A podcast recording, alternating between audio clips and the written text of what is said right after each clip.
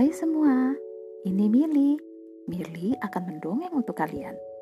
Sampai ketemu nanti ya.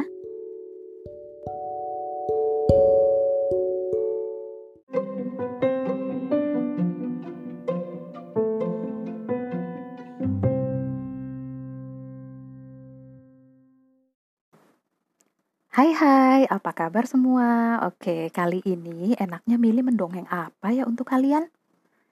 Sebelumnya Mili kan pernah mendongeng tentang si Ringo, um, Ringo si rubah kecil. Hmm, apa kalian sudah mendengarkan ceritanya? Wah, terima kasih kalian sudah mendengarkan dongeng si Ringo. Eh salah, Ringo si rubah kecil. Tuh, sampai salah-salah. Oke, bagi kalian yang belum uh, mendengarkan, silahkan nanti didengarkan ya. Baiklah, kalau begitu, kali ini Mili akan bercerita tentang monster penjaga jembatan. Siap-siap dengarkan ya.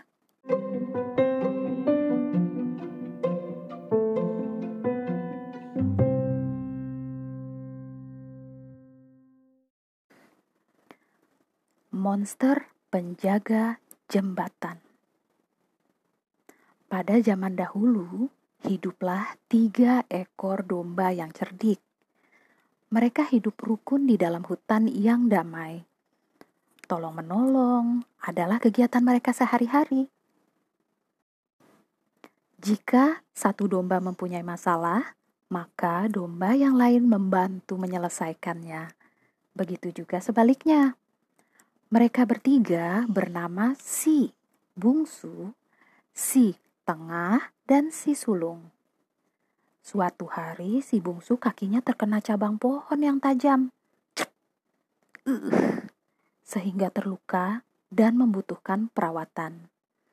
Si bungsu pun harus dibawa ke atas bukit untuk mengobati lukanya. Konon, perjalanan ke atas bukit sangatlah berbahaya karena medan yang sangat sulit dan mereka harus melewati jembatan yang dijaga seekor monster yang kejam dan yang suka memakan domba. Namun, karena satu sama lain saling menyayangi, mereka pun akan menghadapi segala resikonya. Keesokan harinya, mereka pun pergi ke atas bukit setelah tengah hari mereka tiba di tempat yang paling ditakutkan, yaitu jembatan. Mereka berhenti sejenak untuk mengatur strategi untuk melewati jembatan tersebut.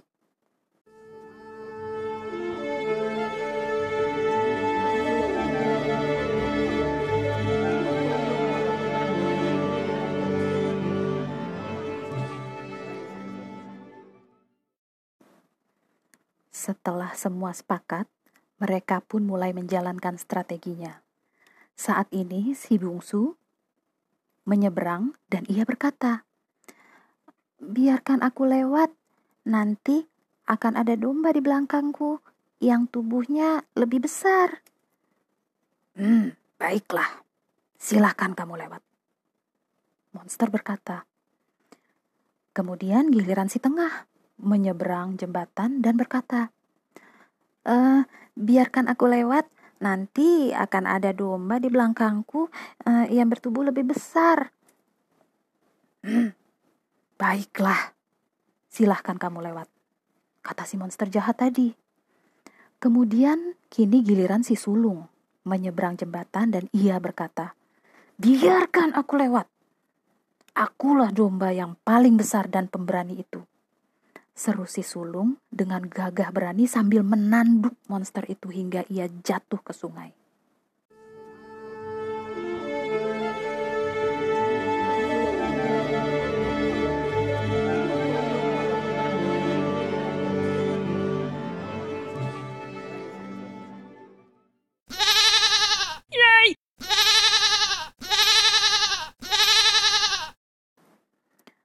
Mereka pun lolos dan dapat melewati jembatan itu dengan selamat. Si bungsu pun akhirnya bisa diobati dan akhirnya sembuh. Setelah tewasnya monster penunggu jembatan, jembatan itu pun kini menjadi ramai dan tidak ada lagi yang mengganggu mereka. Demikianlah cerita pendek fantasi dengan judul Monster Penjaga Jembatan. Semoga bermanfaat ya. Dan kalian tetap dengar buku dongeng Nili di sini lain waktu. Sampai jumpa.